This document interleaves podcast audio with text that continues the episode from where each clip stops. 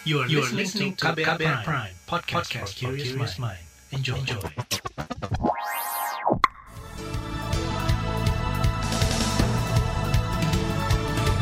Selamat pagi saudara, senang sekali kami bisa menjumpai Anda kembali melalui program Buletin Pagi edisi Kamis 18 November 2021.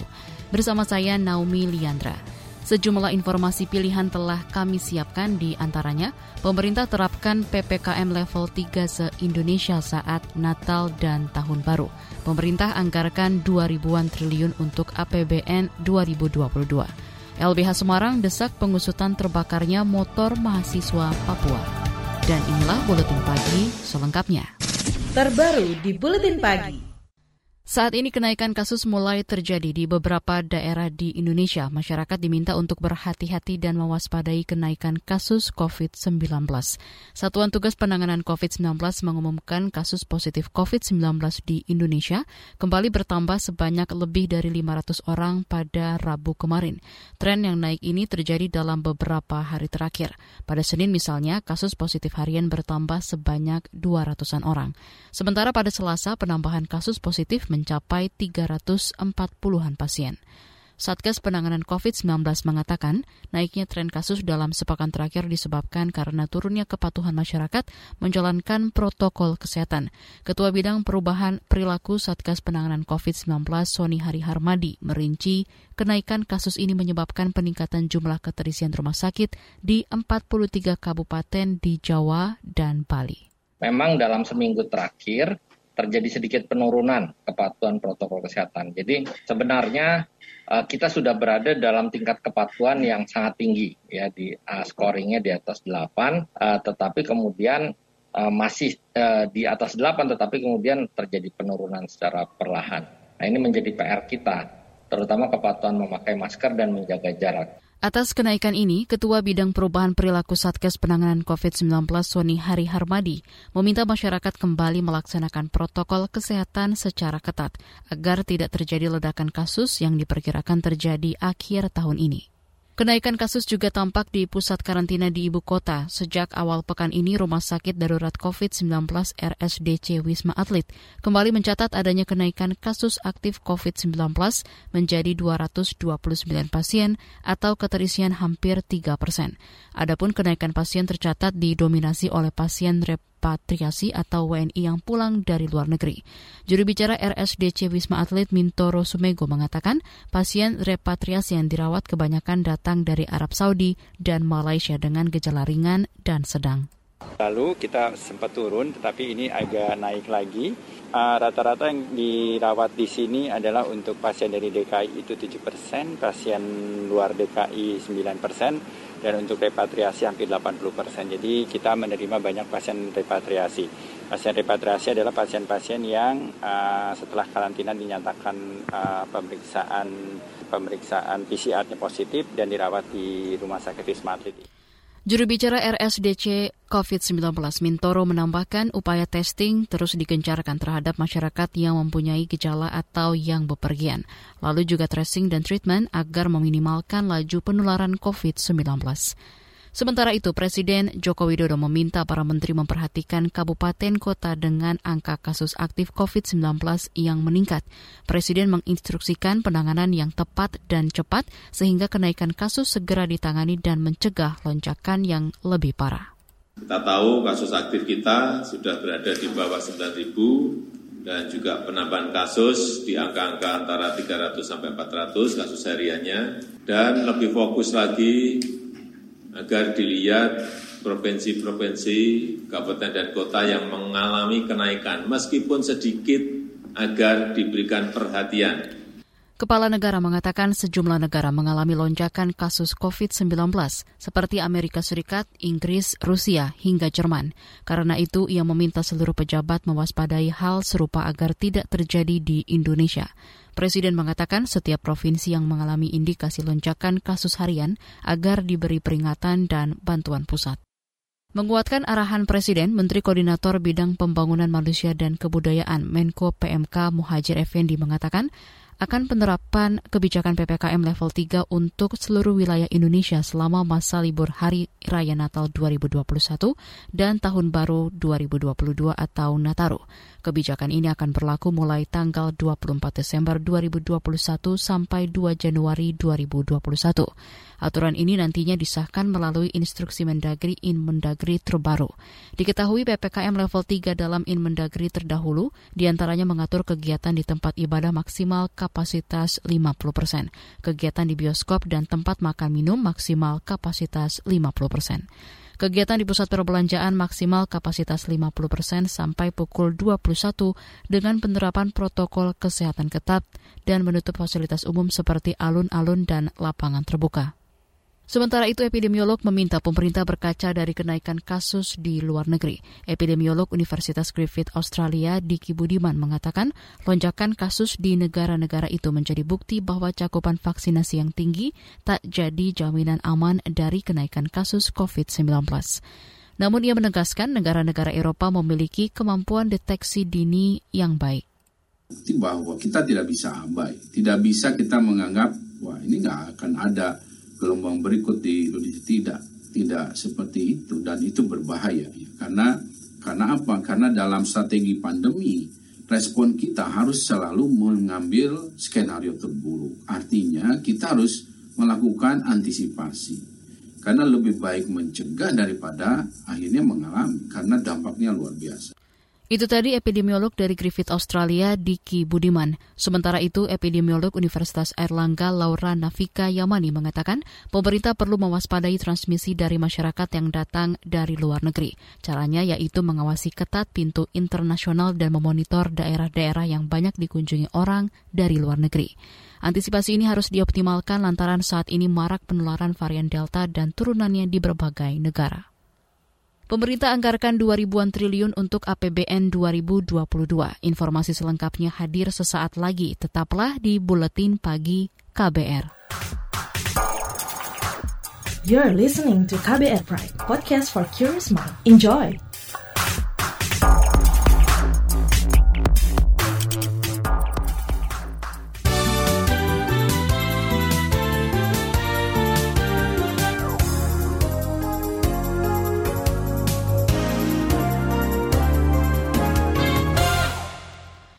Anda sedang mendengarkan buletin pagi KBR. Pemerintah mengalokasikan anggaran 2.700-an triliun rupiah untuk belanja pemerintah pusat dan daerah pada anggaran pendapatan untuk tahun depan. Hal tersebut disampaikan Menteri Keuangan Sri Mulyani Indrawati usai mengikuti sidang Kabinet Paripurna SKP di kantor Presiden Jakarta. Secara uh, highlight saja, tahun depan kita akan belanja 2.714,2 triliun dan ini belanja pemerintah pusat mencapai 1.944 triliun, sedangkan belanja pemerintah daerah 769,6 triliun. Kita akan menyerahkan DIPA kepada seluruh kementerian lembaga sehingga mereka bisa melaksanakan. Bendahara Negara Sri Mulyani menambahkan penyerahan DIPA itu bertujuan agar anggaran dapat direalisasikan sejak awal tahun 2022. Untuk tahun 2022, Presiden meminta seluruh kementerian atau lembaga untuk mencadangkan anggaran minimal 5 persen dari pagu anggaran untuk mengantisipasi perkembangan situasi pandemi COVID-19. Kata Menkeu, kalau terjadi lonjakan kasus yang signifikan seperti efek varian Delta di bulan Juli hingga Agustus lalu, maka pemerintah bisa refocusing yang membuat disrupsi di dalam pelaksanaan anggaran. Kita ke informasi ekonomi. Maskapai penerbangan nasional PT Garuda Indonesia merugi sekitar 10 triliun rupiah pada tahun ini.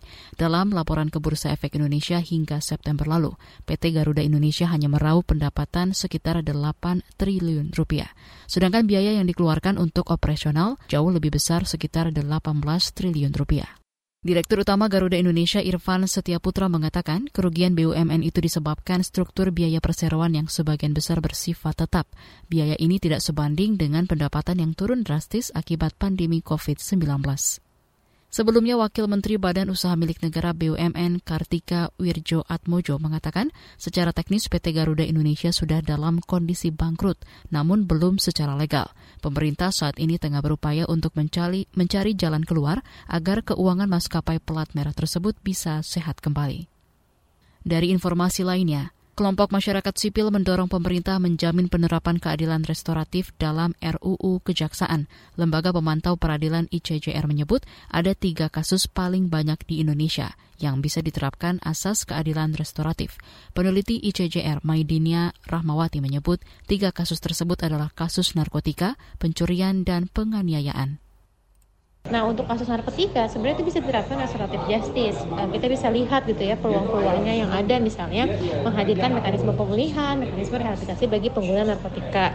Itu harusnya di mainstreamingkan. Toh juga peluang-peluangnya sudah ada di semua tingkatnya gitu mulai dari undang-undang narkotika di pasal uh, 4, di pasal 54, di pasal 103 Undang-Undang Narkotika dan juga pasal 127 Undang-Undang Narkotika yang memberikan peluang untuk adanya rehabilitasi bagi pengguna narkotika. Maidina mengatakan untuk dua kasus terbanyak lainnya yakni pencurian dan penganiayaan didorong agar pengembalian kerugian korban bisa dilakukan dalam proses peradilan pidana. Kementerian Pendidikan, Kebudayaan, dan Ristek diminta berhati-hati memberikan sanksi terhadap perguruan tinggi yang dianggap tidak melaksanakan peraturan Mendikbudristek tentang pencegahan dan penanganan kekerasan seksual atau PPKS. Menurut Ketua Umum PP Muhammadiyah Haidar Nasir, sanksi penurunan akreditasi oleh Kemendikbudristek itu harus bijak dan seksama diterapkan. Untuk dapat akreditasi apalagi bagi kami swasta itu perjuangannya berat. Apalagi Muhammadiyah kan uh, selalu mengedepankan syarat-syarat yang objektif. Kita tidak biasa dengan apa eh, hal-hal yang instan. Untuk dapat akreditasi itu berat sekali. Ketua Umum PP Muhammadiyah Haidar Nasir berharap pemerintah mendengarkan kritikan atas peraturan Mendikbudristek tentang PPKS di perguruan tinggi secara bijak. Pekan lalu, hasil Ijtima Majelis Ulama Indonesia juga meminta pemerintah mencabut atau merevisi peraturan Mendikbudristek tersebut. Mabes Polri membantah adanya unsur kriminalisasi dalam penangkapan salah satu anggota Majelis Ulama Indonesia MUI AZA terkait dugaan keterlibatan terorisme. AZA ditangkap Densus 88 anti teror bersama dua orang lainnya yakni FAO dan AA di Bekasi kemarin. Ketiganya diduga terlibat kelompok teroris Jamaah Islamiyah. Juru bicara Mabes Polri Rusdi Hartono mengatakan operasi Densus melewati proses yang panjang dan detail serta diperkuat dengan barang bukti. Beberapa barang bukti yang telah diamankan itu dokumen-dokumen yang berkaitan dengan Badan Mal Abdurrahman bin Auf ya, itu menjelaskan tentang keterlibatan bersangkutan ditambah juga keterangan 28 saksi. Ini merupakan para tersangka yang telah tertangkap terdahulu menerangkan kepada penyidik bahwa ketiga orang tersebut terlibat di dalam aktivitas pendanaan kelompok teroris JI ini. Ya. Juru bicara Mabes Polri Rusdi Hartono menjelaskan AZA yang merupakan anggota MUI berperan sebagai Ketua Dewan Syariah Lembaga Zakat Abdurrahman bin Auf. Kemudian FAO merupakan anggota Dewan Syariah dan AA sebagai pendiri Badan Perbantuan Hukum JI. Lembaga amal tersebut dikelola kelompok JI untuk sumber pendanaan. Kita ke informasi mancanegara. Pasukan keamanan Sudan menembak mati 10 orang pengunjuk rasa anti kudeta dan melukai puluhan lainnya. Serikat Dokter Pro Demokrasi menyebut korban tewas bertambah menjadi 34 orang, sementara ratusan lainnya terluka. Serikat dokter mengatakan sebagian besar korban menderita luka tembak di kepala, leher, maupun dada. Kudeta yang terjadi di Sudan tahun ini merupakan imbas dari krisis politik yang berlangsung selama bertahun-tahun. Sejak kudeta April 2019 berhasil menggulingkan mantan Presiden Sudan Omar al-Bashir, militer dan kelompok masyarakat sipil pro-demokrasi terus berselisih memperebutkan kursi pemerintahan meski telah sepakat berdamai dan membagi kekuasaan. Beralih ke informasi olahraga, Indonesia meloloskan total tujuh wakil ke babak 16 besar Indonesia Master 2021. Sejumlah nama besar termasuk sektor tunggal Anthony Ginting tersingkir langsung di babak pertama, sedangkan wakil-wakil tunggal putri tak bersisa. Bertanding di Bali International Convention Center, Ginting dikalahkan pebulu tangkis non-unggulan Thailand dengan skor akhir 21-19, 14-21, 13-21. Anthony Ginting bukan menjadi satu-satunya wakil di nomor tunggal putra yang tersingkir. Pemain senior Tommy Sugiarto tidak kuasa membendung unggulan pertama Kinto Momota. Meski demikian, setidaknya ada dua pebulu tangkis tunggal putra Indonesia yang berhasil maju ke babak berikutnya. Mereka adalah Jonathan Christie dan Cesar Hiren Rustavito. Di bagian berikutnya kami hadirkan laporan khas KBR bertajuk Seberapa Penting Festival HAM 2021. Nantikan sesaat lagi. You're listening to KBR Pride, podcast for curious mind. Enjoy!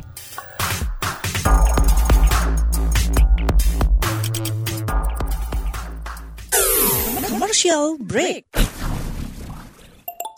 Sudah tahu yang satu ini. Sekarang kabar baru ada di playlist teman perjalananmu. Kamu masih bisa update dengar berita terbaru sambil dengerin lagu kesukaanmu. Semua bisa kamu dengerin di playlist Daily Drive Spotify.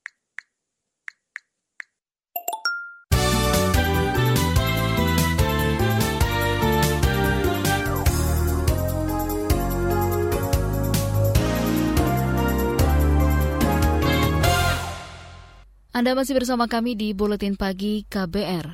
Perayaan Festival Hak Asasi Manusia 2021 berlangsung secara daring dan luring pada 16 November hingga 19 November 2021 di Semarang, Jawa Tengah. Seberapa penting festival ini digelar? Apa dampaknya terhadap keadilan HAM di Indonesia? Berikut kita simak laporan khas KBR disusun Reski Novianto. Kota Semarang, Jawa Tengah pekan ini menjadi tuan rumah Festival Hak Asasi Manusia. Acara ini diselenggarakan Komisi Nasional Hak Asasi Manusia Komnas HAM bersama lembaga Infit. Tahun ini, Festival HAM Festival mengusung tema bergerak bersama memperkuat kebinekaan, inklusi, dan resiliensi. Ketua Komnas HAM Ahmad Taufan Damanik mengatakan, Festival HAM merupakan bagian merawat keberagaman dengan terus menghidupkan kegembiraan dan merayakan perbedaan untuk menghindari konflik. Festival HAM ini dimaksudkan supaya seluruh elemen bangsa ini mau bergembira ria. Makanya festival. Oke dah, sekarang merawat keberagaman itu dengan berfestival ria gitu. Kita festivalisasikan ini, keberagaman ini dan kemudian hasilnya adalah untuk saling menghormati. Saling menghormati dengan kegembiraan itu ujungnya berarti kita menghindari terjadinya konflik. Perayaan Festival HAM 2021 disambut baik kantor staf kepresidenan atau KSP. Tenaga ahli utama KSP, Siti Rohaini mengatakan, penyelenggaraan tersebut merupakan suatu inisiatif yang perlu didukung. Kata dia, Presiden Joko Widodo juga telah menegaskan hak asasi manusia merupakan prinsip utama dalam setiap kebijakan di pusat maupun daerah. Dan tentu saja kalau kita membicarakan masalah hak asasi manusia, uh, tidak semata-mata uh, aspek-aspek yang terkait dengan isu dan pelanggaran hak asasi manusia, tetapi HAM memiliki skop yang sangat luas, termasuk skop uh, termasuk juga hak-hak uh, ekonomi, sosial, poli, uh, hak ekonomi, sosial dan budaya itu juga menjadi uh, satu hak yang sangat fundamental. Festival HAM 2021 dibuka Menteri Koordinator Politik Hukum dan Keamanan atau Menko Poluka Mahfud MD. Mahfud menilai Festival HAM 2021 menjadi pengingat bahwa hak asasi manusia di Indonesia dijamin oleh negara.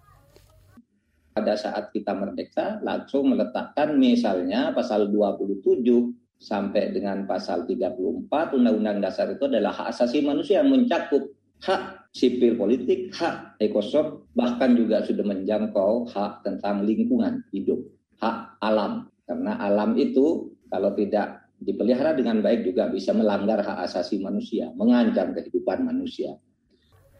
Namun, Festival HAM 2021 mendapat kritik tajam dari Yayasan Lembaga Bantuan Hukum Indonesia atau YLBHI. Ketua YLBHI Asfinawati menyebut, agenda yang diinisiasi Komnas HAM, Infit, dan Kantor Staf Presiden atau KSP itu bermasalah. Asfinawati mengatakan festival itu memberi ruang bagi orang-orang yang menurutnya melanggar HAM warga di daerah – ia heran, festival justru dirayakan dengan para pelanggar HAM, yaitu kepala daerah yang abai terhadap hak-hak hidup masyarakat. Kalau perayaan itu bersama komunitas, maka perayaan seperti apa yang kita lakukan kalau kita berkumpul bersama pelanggar hak asasi manusia? Itu yang mau saya katakan yang pertama. Karena itu merayakan hak asasi manusia bersama pelanggar hak sebenarnya memiliki masalah mendasar sekali, masalah mendasar yang serius. Apa yang mau kita rayakan? Bersama-sama dengan pelanggar HAM. Salah seorang tokoh warga di Kecamatan Nguter, Sukoharjo, Jawa Tengah, Tomo, turut meragukan acara Festival HAM 2021 bisa menindaklanjuti keadilan hak asasi di masyarakat. Tomo menyinggung hak warga di Sukoharjo yang dilanggar perusahaan PT Rayon Utama Makmur yang membuang limbah sembarangan. Namun pemerintah daerah justru membiarkan pencemaran limbah terus berlangsung. Kita juga sudah menyampaikan uh, hal ini ke Komnas HAM uh, dan dari Komnas HAM sudah merekomendasi ke Pemkap untuk mengambil tindakan tegas. Tapi sampai sekarang tidak ada tindakan tegas pencemaran terus berjalan, masyarakat menderita, eh, dan eh, sampai sekarang ya kita tetap melawan.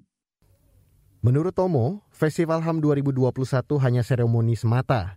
Ia tidak berharap banyak bahwa hak asasi atas lingkungan bersih warga Kecamatan Nguter bisa terrealisasi dalam waktu dekat.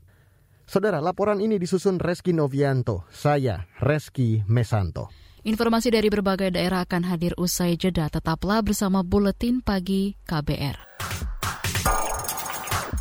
You're listening to KBR Pride, podcast for curious mind. Enjoy!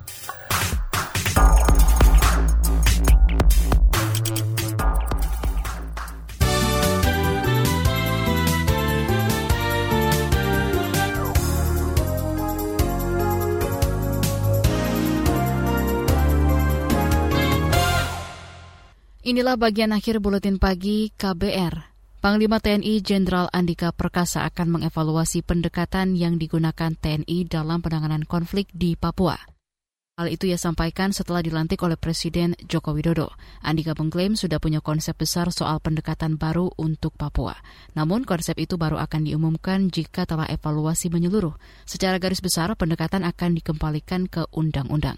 Andika ingin prajuritnya bertindak sesuai amanat perundangan, artinya tidak mengambil kewenangan instansi lain.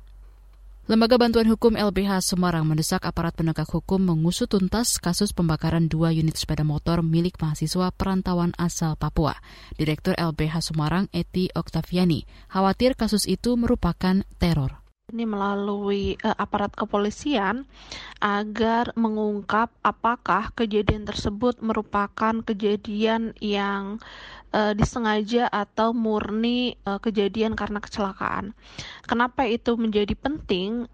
Jika hal itu adalah sesuatu yang disengaja, uh, tentu saja itu merupakan satu tindakan atau aksi teror yang uh, tentu saja menyebabkan rasa takut ya untuk uh, teman-teman masyarakat Papua. Direktur LBH Semarang, Eti Oktaviani mengatakan kasus pembakaran sepeda motor hingga hangus itu mengakibatkan trauma dan rasa tidak aman dari mahasiswa tersebut. Ia meminta aparat kepolisian mengusut kasus itu secara tuntas. Eti menegaskan setiap warga negara memiliki hak memperoleh rasa aman dan keadilan sesuai Undang-Undang Hak Asasi Manusia. Kasus teror terhadap mahasiswa asal Papua sebelumnya terjadi di sejumlah daerah seperti di Papua, Bali, dan Surabaya. Persatuan Perawat Nasional Indonesia PPNI Jawa Barat menyatakan setiap keluarga perawat yang gugur saat menangani pasien COVID-19 menerima santunan 12 juta rupiah. Menurut Ketua PPNI Jawa Barat, Wawan Hernawan, ada 86 perawat gugur sepanjang pandemi berlangsung, namun sebagian besar ahli waris belum menerima santunan.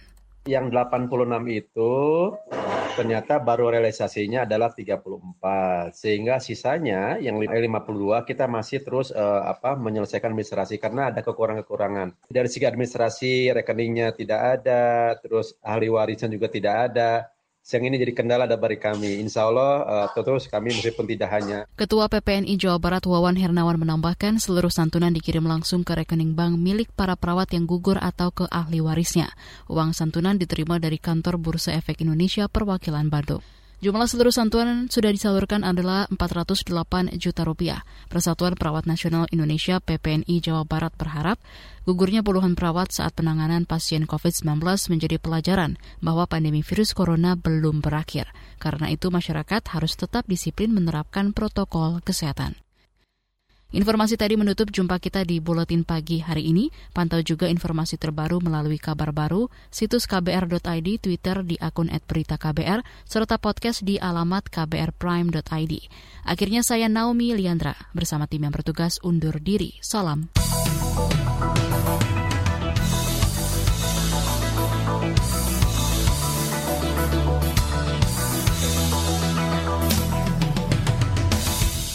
KBR Prime, cara asik mendengar berita. KBR Prime, podcast for curious mind.